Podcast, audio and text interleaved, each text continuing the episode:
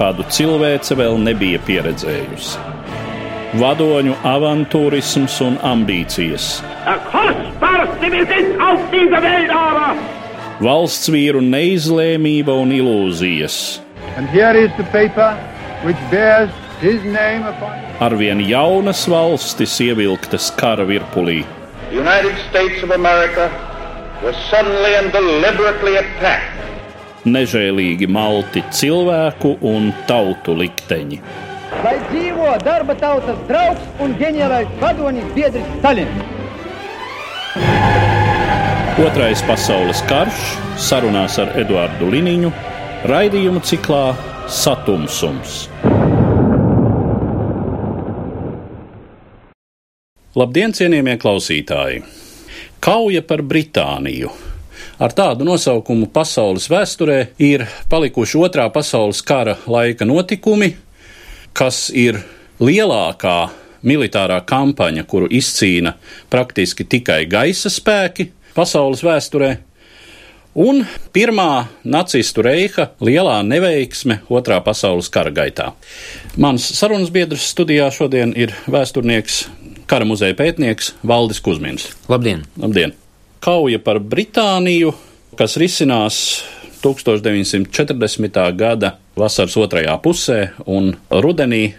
Tas ir vācu gaisa spēku, Luftwaffe, mēģinājums gūt izšķirošu pārsvaru pār Britu karaliskajiem gaisa spēkiem, lai attiecīgi, kā tajā brīdī tiek plānots, savukārt vācu jūras spēki varētu izsēdināt desantu Lielbritānijā un iespējams ieņemt Britu salas un faktiski līdz ar to izbeigt Otro pasaules karu.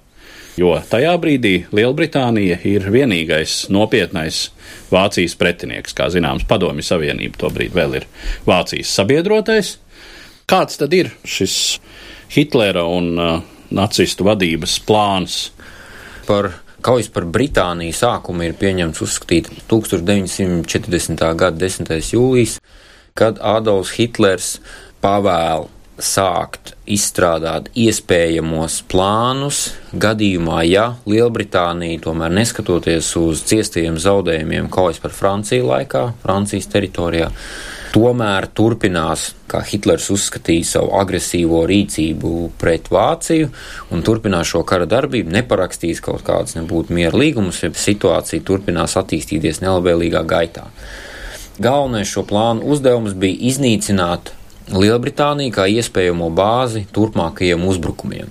Un šeit varbūt gluži nebija tā, ka ieņemt visas Britu salas, tas būtu pārāk neiespējami. Šajā gadījumā bija drīzāk doma piespriest Lielbritāniju parakstīt mieru līgumu, respektīvi izstrādāt tālu kara darbības plānu, kura īstenošanas rezultātā Lielbritānija piekristu miera līgumiem. Un no 10. jūlija līdz 16. jūlijam arī notika tāda neliela apspriešana, un, protams, galvenais un vis, visbūtiskākais jautājums, kā īstenot šo desantu operāciju, kur vēlāk ieguļu nosaukumu Unternēme Zēlove.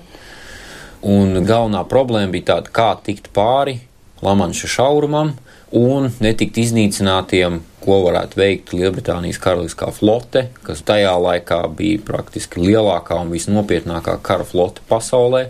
Un Vācijas kara flotes komandieris Rēders 11. jūlijā kā vienīgo iespējamo viņa prāta risinājumu, lai šādu desantu operāciju varētu īstenot, uzsver, ka ir nepieciešams absolūts gaisa pārsvars. Respektīvi, tātad ir jāiznīcina Lielbritānijas karaliskie gaisa spēki, lai šādi kompensētu Vācijas kara flotes nespēju aizsargāt šo plānoto desantu operāciju. Un līdz ar to arī sākās šī plānošana.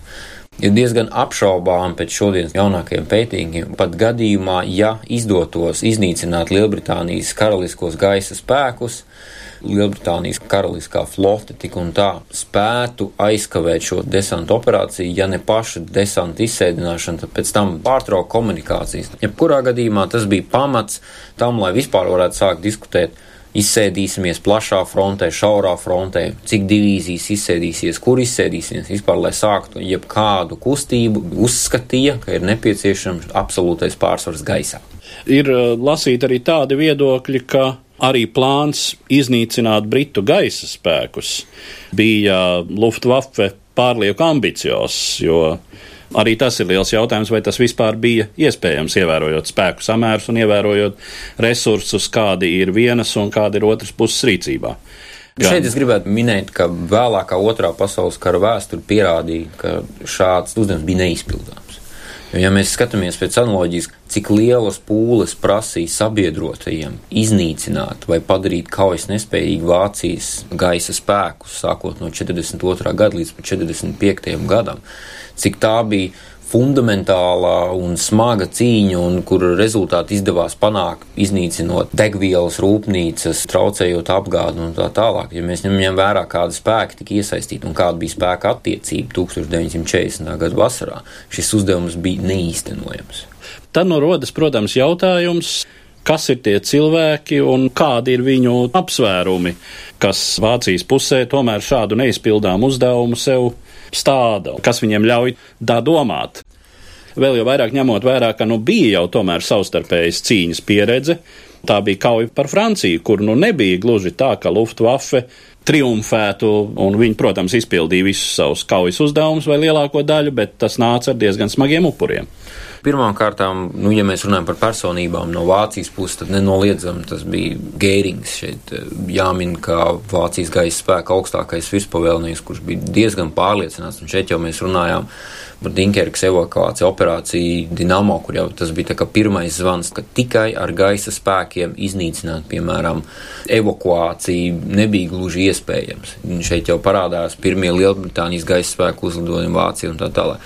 Šajā gadījumā varbūt nebūtu tik liela problēma ar cilvēku personībām, kas atradās gaisa spēku priekšgalā, un šajā gadījumā es runāju par Vācijas gaisa spēkiem, kur bija Hermans Gērings ar atbilstošiem zemāk līmeņa komandieriem vai Lielbritānijas gaisa spēku. Vēlāk arī, domāju, sīkāk runāsim par iznīcinātāju, fighter komandu vadītāju Hugh Downingu ir tas, ka šajā brīdī, 1940. gada vasarā, un kā jau es minēju, arī vēlāk, tika ļoti spēcīgi pārvērtētas gaisa spēku iespējas kā tādas priekšstats par to, ka ir iespējams ar vienu triecienu uzlidojot, piemēram, pretinieku lidlaukiem, pilnībā iznīcināt pretinieku gaisa spēku. Priekšstats par to, ka gaisa spēki ir spējīgi bombardējot pilsētas, ja pretinieku valsts galvaspilsētu piespiest kādu valstu padoties. Priekšstats par to, ka ar bumvedējiem šajā laikā ir iespējams paralizēt valsts ekonomiku. Tie bija 20. un 30. gados vairāk vai mazāk izstrādāti teorētiski priekšstati, bet tas nebija pārbaudīts praksē. Un, kad sākās šo teoriju pārbaudīšana praksē, tad 1939, 40, 41 un varētu pat teikt līdz 44. gada beigām gan lidmašīnu tehniskie parametri, gan sakaru un lidmašīnu kontroles, dažādi tehniskie risinājumi neļāva tikai ar gaisa spēkiem izcīnīt jebkādu uzvaru. Un tā bija vienkārši teorija, ka it kā to varētu. Tas bija atkarīgs no katra gaisa spēka komandiera ambīcijām, cik ļoti viņš ticēja šīm teorijām, kuras vēlāk jau kara gaitā pierādījās, ka gluži praksē nav īstenojams. Mēs varam atcerēties vēl nesenā pagātnē NATO kampaņu pret Serbiju, Kosovā, kur arī bija priekšstats, ka varētu tikai ar gaisa spēkiem īstenot, bet finālā negluži tas izdevās. Bija arī mēģinājums to pašu darīt Irākā, vēl jau vairāk 39. un 40. gadā ar tiem tehniskiem līdzekļiem, kādi bija tad. Šis mērķis bija vienkārši neīstenojams, bet te, protams, lielu lomu spēlēja katra individuāla komandieri ambīcijas, ja viņu pašu personīgie priekšstati, ko var un ko nevar izdarīt kara aviācija. Droši vien, ka savu nozīmi ir tam, ka Vācijā to brīdi vispār ir drusku tāda eiforiska izjūta par to, kā risinās otrais pasaules karš, un ka tūlīt, tūlīt, un tā uzvara būs sasniegta, un Vācija triumfēs. Tā vietā Vācija gaida diezgan smaga vilšanās. Nu jā, droši vien, ka mums ir jāparunā par to, kādi tad reāli ir šie spēki, kas stāv viens otram pretī, kādi ir lidmašīnu galvenie tipi un tās tehniskās iespējas, nu jā, un arī organizācija un uh, galvenie vadītāji. Ja mēs sākam ar Vācijas gaisa spēkiem, šeit, protams, galvenais vadītājs bija Hermans Gērings un galvenās divas kara flotes, kas piedalījās šajā kampaņā, un to vadītāji bija Hugo Šperle un Alberts Keselrings. Vēlākajos gados, ja viņi kļūst diezgan slaveni, jo sevišķi Alberts Keselrings, kurš arī pēc tam atstāja par sevi kā par ļoti kompetentu komandieru, ne tikai kā gaisa spēku komandieru, bet arī viņš paspēja komandēt arī sauszemes spēkus, kurš sev pierādīja arī par diezgan kompetentu cilvēku. Un, protams, ja mēs šeit runājam par Vācijas gaisa spēkiem un arī par kaujām, galvenais ir negluži lidmašīnas, bet tieši šie komandieri un piloti, kas lidmašīnas vada. Pilotu sagatavotība, pieredze, drosme un visi šie parametri tie arī izšķīra, un es pieļauju izšķīra arī šodien šādu gaisa kauju iznākumu. Un, protams, šeit ir jāmin tas, ka Vācijas gaisa spēkiem bija ļoti liela iespēja sagatavot šos pilotus kauju virs Polijas. Ja mēs atceramies pilsoņu karšu Spānijā, kur šie slavenākie, viena no pirmajiem vācu tās augtiem asiem iznīcinātāju pilotiem ieguva savu pieredzi, Werners Melders un tā tālāk un tā tālāk. Tagad viņi bija veskadrīļu grupu un lielāka apvienība komandieri, kas zināja, kas ir darāms un kā tas ir darāms. No Lielbritānijas puses galvenais, kas tieši šajā kaujā to visu izšķīra, bija Lielbritānijas karalisko gaisa spēku iznīcinātāja pavēlniecības fighter komandu vadītājs Hugh Downings, kurš pārzināja ne tikai šīs četras iznīcinātāju grupas, teritoriālas grupas. Tātad Lielbritānija bija sadalīta četros sektoros, sauc viņas par grupām. Katru šo grupu komandēja savs virsnieks, kas iespēja robežās arī īstenoja šo uzlidojumu atvairīšanu. Katrai no grupām bija arī taktiskas atšķirības. Šīs grupas vadīja diezgan kompetenti virsnieki ar savu pārliecību. Šeit varētu minēt, Kīts Parks komandēja 11. grupu izšķirošajā sektorā ap Londonu un Anglijas dienvidu austrumos un Trafords. Lūija Melorijs, kurš komandēja kaimiņu grupu ar saviem priekšstatiem, kādas būtu jādara. Šie bija diezgan pārliecinoši komandieri, kas zināja, kā to darīt. Un, ja mēs runājam par uzbūvi, tad viens no galvenajiem iemesliem varbūt arī bija ne tikai piloti, bet lidmašīnu iznīcinātāja un bumbedēšana, kontroles sistēma abās pusēs. Un Lielbritānija tā bija tā saucamā daudiņa sistēma, kas balstījās uz radariem, balstījās uz gaisa telpas novērotājiem, balstījās ļoti lielā mērā uz sieviešu dienestu, kas īstenoja visu šo informācijas apstrādi, sakārtošanu milzīgas kartes, kurām tika bīdīti kauliņi, dažādās krāsās iekrāsoti numuriņi, cipariņi, visi šī daudz desmit tūkstoši cilvēku sistēma, kas bija pietiekami apmācīta un kas to varēja darīt. Šie cilvēki arī īstenoja to ka Lielbritānijas gaisa spēki bija spējīgi daudz efektīvāk izlietot savus spēkus, kontrolēt šos spēkus, novirzīt un laikā varbūt atsaukt un tā tālāk, nekā tas bija iespējams vāciešiem kuriem to vajadzēja darīt ar primitīvām sistēmām, ko to, ja mēs salīdzinām ar kara beigām, bet toties to viņiem vajadzēja darīt uz ienaidnieku teritorijas, un viņi to nebija spējīgi izdarīt, un tādēļ bija daudz, daudz sliktākā situācijā. Jā, šo Downing sistēmu droši vien var salīdzināt, nu tā nosacīt ar tādu analogu datoru, kad ļoti daudz cilvēku aizstāja tās jā, funkcijas, kuras šodien... Funkcijas, kur šodien veicina mobilais telefons. Tā to varētu teikt parasti ir pieņemts pievērst uzmanību lidmašīnām. Protams, no Vācijas puses, ja mēs runājam par iznīcinātajiem, tas bija Messerschmitta konstruētais BF-109E. Emīļa dažādi modeļi, kas tika pieņemti bruņojumā. Sākoties kara darbībai, skaits bija apmēram tūkstots. Bet skaits, protams, neko nenozīmē, jo kara darbības laikā viņi nedaudz vairāk ap tūkstotu arī zaudēja. Un šeit bija daudz svarīgāk nevis skaits, cik bija sākoties, bija cik liela bija abās pusēs šīs kara industrijas iespēja šos zaudējumus atlīdzināt. Protams, visslavenākais kaujas par Britāniju iznīcinātājs ir Spitfire, kurš vienmēr, ja mēs lasām par Otro pasaules karu un lasām par kara lidmašīnām, vienmēr visās tabulās Spitfire tiek salīdzināts ar Messerschmitt 109, tad tiek salīdzināts Mark 1 ar E modeli, Mark 5 jau tiek salīdzināts ar F vai ar G modeli, un tur ir cipariņi un skaitļi, un cik ir lielākais ātrums un lidošanas attālums, un daudz un dažādi sarežģīti skaitļi.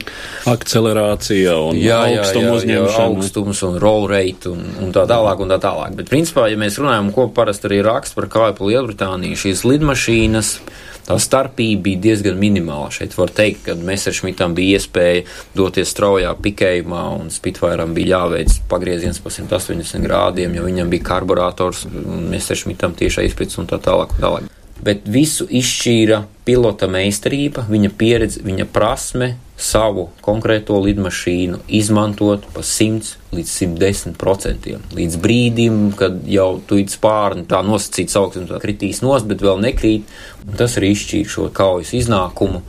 Ja mēs runājam par lidmašīnu pret lidmašīnu, iznīcinātājs pret iznīcinātājiem. Tad galvenais kaujas iznākums, protams, bija no lidmašīnu izmantošanas, respektīvi taktikas un no katras konkrētās situācijas. Kaut vai visvienkāršākais elements, sākoties kaujai, lielāka priekšrocība ir tai pusē, kuras iznīcinātāji atrodas augstāk, vai kurā pusē ir saule, vai kurš atrodas mākoņos, kuram bija vairāk informācijas pirms vizuālās satikšanās, un te jau kā reiz stājas spēkā šīs Downing sistēmas priekšrocība, ka britu piloti, kas lidoja, viņi zināja, uz kurieni, kas gaidāms, cik daudz, kādā augstumā, kādā virzienā un tā tālāk. Savukārt vācu iznīcinātāji, pa ko raksta arī Adolfs Galants, viens no slavenākajiem iznīcinātājiem, ka vācu iznīcinātāji diemžēl bija spiesti atrasties tiešā tūmā no saviem bumbvedējiem, kuri savukārt bija spiesti lidot savā kreisera ātrumā, nepārāk lielā. Līdz ar to iznīcinātāji lidoja arī jau gandrīz minimālā ātrumā, jo viņiem bija nepieciešams arī taupīt degvielu, jo Messerschmitt attālums bija tikai 600 km, kas dod tikai 10 minūtes virs Londonas kaujām, un tā tālāk un tā tālāk. Šīs lidmašīnas varbūt ir tādas interesants un kolorītas detaļas, drīzāk tāds vizuālais noformējums. Šauti kā interesants, nenoliedzami. Tur ļoti daudz ko palasīt, un es domāju, cilvēki, kuriem tas interesē, to var darīt un iekrist uz mēnešiem vien. Ja runā par tādiem saliekamajiem lidaparātu modeļiem, tad vēl šobrīd Messerschmitts ir nu. Un Spitfire, jā, jo tas bija tas brīdis, kad lidmašīnas ieguva ne tikai savas kaujas īpašības, jeb tehniskās īpašības, bet tas bija tad, kad šīs lidmašīnas sasniedz savu estētisko arī, teiksim, tādu par burvību un šarmu, gan visi šie spārnu profilī, gan piloti paši par sevi savu tērpos. Plats maidošie un tā tālāk. Šai kaujai tas nenoliedzami rāda tādu ļoti izteiktu vizuālo atmiņu cilvēkam, kurš atcerās, protams, kurš to iedomājas uzreiz, viņam priekšā nāk tieši šīs lidmašīnas, kā nu kurā tur formā, kura deg, kura šauj, kā nu kurā filmā. Vēl jau droši vien jāpiemina. Ja runājam par tādiem slaveniem lidmašīnu modeļiem, tad uh, slavenais vācu štuka Junkers. Jā, Junkers 87. Galvenais, protams, ka šajā kaujā no Lielbritānijas, no Britu puses, protams, bija iznīcinātāji, savukārt no Vācijas kara flotes puses, tie, protams, galvenais bija bumvedēji, kuriem it kā tika uzskatīts šī kauja bija jāizšķir. Un, protams, ņemot vērā šos fantastiskos panākumus, kādus U-87 Šturkamflugzeugi guva Polijā, Un Francijā nu, bija tāda aizdoma, ka varbūt viņas varētu izmantot, bet nu, tā izrādījās bija diezgan liela neveiksme. Šīs lidmašīnas bija lēnas un faktiski bija kā sēdoši mērķi britu iznīcinātājiem un praktiski tika izmantoti pāris reizes un pēc fantastiskiem zaudējumiem 18. augustā viņi sāk izmantot pret kuģiem kad viņš nāk lejā ar savu sirēnu ieslēgto, jā, jā. tad ir liels efekts. nu, tas labi darbojās lauka apstākļos, kad, teiksim, mums ir vezumnieku rinda. Un uh, zirgi un kuģi ir bēguši uz visām pusēm. Tas ļoti labi. Tas ļoti labi darbojās šādās kaujā virs Franciju, jo šādā mainīgā kaujas situācijā šādas Downing sistēmas nebija. Un kur šīs pikējošais bumbvedējs atrodas un kā novirzīt iznīcinātājus uz šo pikējušo bumbvedēju šajā brīdī šādas kontrolas sistēmas nebija, tādēļ viņi tur varēja darboties. Tiklīdz kā šāda bumbvedēja parādās virs teritorijas, kura tiek kontrolēta un praktiski jebkura lidmašīna, zināms augstums, virziens, ātrums un tā tālāk, un tā tālāk, šādas te lēnas lidmašīnas kļūst par apmācību mērķiem. Tādēļ viņas arī praktiski virs pilsētām arī vēlāk neizmantoja. Un, teiksim, Austrum frontē, kur ir vēl lielāka platība un vēl grūtāk viņas pārtvert jo vēl aizvien kalpoja ļoti labi līdz 43. un pat 44. gadam atsevišķās vietās. Kā tad uh, risinās šīs kaujas notikumi? Mums ir tātad skaidrs, ka Britiem šajā gadījumā ir nepārprotama priekšrocība, ka viņi karo savās mājās. Jā, savās mājās, un šeit varbūt ne tik daudz cik psiholoģiski, bet tieši kontrolas un vadības sistēma, kas spēj to nodrošināt. Te uzreiz var pieminēt, ka Tad, kad 1942. un 1943. gadā Briti konstatēja, ka tagad viņiem vajadzētu uzbrukt Vācijas gaisa spēkiem Francijas ziemeļdaļā, viņi konstatēja tieši to pašu, tikai pretēju efektu, ka šie Vācijas gaisa spēku iznīcinātāji Francijas ziemeļdaļā darīja to pašu ar Britiem, ko Briti darīja gadu, divus atpakaļ. Un arī tieši pateicoties šai kontrolas vadības sistēmai, taktikai, iespējai iznīcinātājiem, kas aizstāvās, iegūt taktiskas priekšrocības un tā tālāk. Un tā tālāk. Kauja par Britāniju ir pieņemts iedalīt trijos posmos. Pirmais, tā nosacīti būtu sācies ar 10. jūliju, kad Vācijas gaisa spēki sākt uzbrukumus Lamanša kanālā ar mērķi nepieļaut jūras transporta kustību pa šo Lamanša kanālu. Tas turpinājās apmēram mēnesi līdz 13. augustam, kad ir pieņemts uzskatīt, kad sākās šī gaisa spēka operācija pati par sevi ar mērķi iznīcināt Lielbritānijas karaliskos gaisa spēkus un saucās Unternehmen Adler Agrif. Tātad ērgļu uzbrukums. Un tad bija šis jautājums, kādā veidā iznīcināt šos Lielbritānijas gaisa spēkus. Un tad bija diskusijas starp Vācijas gaisa flotes komandieriem Kesselringu un Šperli, kā būtu labāk, vai ir jāuzbruk līdz Lokiem vai jāuzbruk Londonai ar mērķi piespiest šos iznīcinātājus iesaistīties kaujās, un tad vai ir vērts uzbrukt industriāliem objektiem, mēģināt iznīcināt lidmašīnu būvētājus un tā tālāk un tā tālāk. Teorijas jau uz papīra bija diezgan daudz, dažas no tām bija izmēģinātas varbūt minimāli Spānijas kara laikā, dažas no tām tika izmēģinātas kaujā par Franciju, bet reāli kā tas būtu jādara un kāds no vienas vai otras rīcības būs rezultāts, tas praksē nebija izmēģināts. Tādēļ no 13. augusta līdz 17. septembrim galvenā fāze, kad notika vismasveidīgākie uzlidojumi Lielbritānijas teritorijā, tad arī bija dažādi mēģinājumi. Un kā tiek uzskatīts vistuvāk šī mērķa īstenošanai, smagākie uzlidojumi bija 15. augusts 18. augusts, kad tieši abas puses cieta vislielākos zaudējumus, apmēram 300 plus lidmašīnas no Britu puses un 400 plus lidmašīnas no Vācu puses cieta vai tika iznīcinātas šajās kaujās. Vissīvākās kaujas notika nedēļa sākot no 24. augusta, kad Vācijas gaisa spēki sāk īstenot uzlidojumus tieši lidlaukiem. Un, protams, mēģinot varbūt iznīcināt pēc iespējas vairāk lidmašīnas uz zemes, kas ir ļoti sarežģīts uzdevums. Viņas var bojāt, bet iznīcināt ļoti sarežģīti. Bet galvenais panākums, kas tika gūts, ir tas, ka izdevās piespiest Britu iznīcinātājs iesaistīties kaujās ar vācu iznīcinātajiem, un tad jau tas, ko to angliski to tā interesantā terminā dogfight arī sauc, mēģināt šajās kaujās nedēļas laikā piespiest ar vien lielākus un lielākus, lielākus zaudējumus ciest. Un tad arī bija šie panākumi.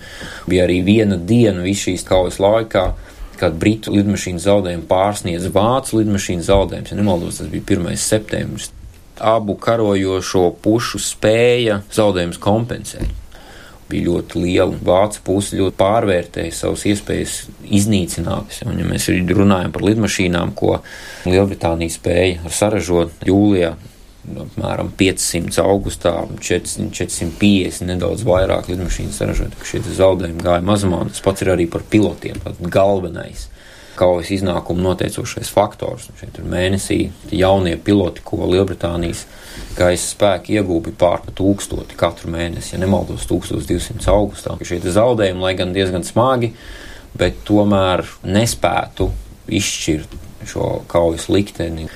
Un visintensīvākā kaujas darbība būtiski izmainījās 17. septembrī, kad Vācijas gaisa spēki, tas, ko sauc par blitz kampaņu, zibens kampaņu, tas ir uzbrukumi vairs nevis tīri militāriem mērķiem, izteikti militāriem mērķiem, kara kuģiem, lidlaukiem vai radara torņiem, bet sāk uzlidojumus arī lielajām pilsētām, protams, izvēloties šajās lielajās pilsētās arī vairāk vai mazāk vērā ņemamus militārus objektus, bet galvenokārt uzlidojumu Londonē. Tas bija jau tas, ko vēlāk pazīst ar šo terora bombardēšanu Un ļoti bieži tika rakstīts, ka tas bija tāda Hitlera un Gēringa lielākā kļūda, ka viņi ļāvās iesaistīties civilo mērķu bombardēšanas kampaņā, jo 1. 25. augustā tieši Lielbritānijas karaliskie gaisa spēki veica uzlidojumu Berlīnē. Protams, tas bija salīdzinoši neliels, ja mēs salīdzinām vēlākajos gados, kas notika Hamburgā un Dresdenē. Tomēr tas bija pirmais uzlidojums, un tas kā kalpoja par tādu kā emocionāli spied Gēringu un Hitleru sākt bombardēt Londonu, tādā veidā it kā atbrīvojot iznīcinātāju lidlaukus no tiem uzbrukumiem, kas bija notikuši divas nedēļas iepriekš. 17. septembrī arī sākās šī blitz kampaņa. Un, protams, par diezgan smagiem zaudējumiem, bet šajā gadījumā jau lielākoties civiliedzīvotāju zaudējumi šīs blitz kampaņas laikā. Nemaldos bojā gāja vairāk nekā 20 tūkstoši civiliedzīvotāju. Tieši šīs kaujas par Lielbritāniju kaujas laikā apmēram 30 tūkstoši tika ievainoti. Blitz kampaņas tika atjaunots arī pēc tam vēl vēlāk, un 41. gada beigās, 42., 43., 44. gadā nu, ir pieņemts uzskatīt, ka šī kauja par Britāniju beidzās 31. oktobrī, lai gan nelielas intensitātes kaujas darbība turpinājās praktiski, varētu teikt, līdz pat otrā pasaules kara beigām. Laikam tas, ar ko arī mēs varētu noslēgt mūsu sarunu, tātad kaujas par Britāniju pēdējā fāze, tas ir tāds Vācijas mēģinājums radīt paniku vai graut Lielbritānijas iedzīvotāju morāli, cerot tādā veidā, ka varbūt civiliedzīvotāju noskaņojums piespiedīs Britu valdību slēgt mieru, kas arī izrādās ilūzija, jo arī Britu civiliedzīvotāju morāli nav tik viegli šādā veidā nu, iespaidot. Utopiskās teorijas 20. gadu tika uzskatīts, ka civiliedzīvotāji var piespiest valdību parakstīt miera līgumu tikai tādēļ, ka tiek bombardēts viņu mājas. Šīs utopiskās teorijas, protams, bija vēja stratēģija un tā tālāk. Kā pierādīja Otrais pasaules karš, šīs teorijas palika pilnīgas utopijas, un vēl šodien mēs varam teikt, ka līdz šim brīdim vēl tas tā īsti nevienam gluži nav izdevies. Tikai pateicoties vairāk vai mazāk efektīvai gaisa kampaņai, piespiest kādu nebūtu valsti parakstīt miera līgumu, kapitulēt. Tas, protams, ir diskutabli, bet mans viedoklis, ka tas netika īstenots līdz pat šai dienai.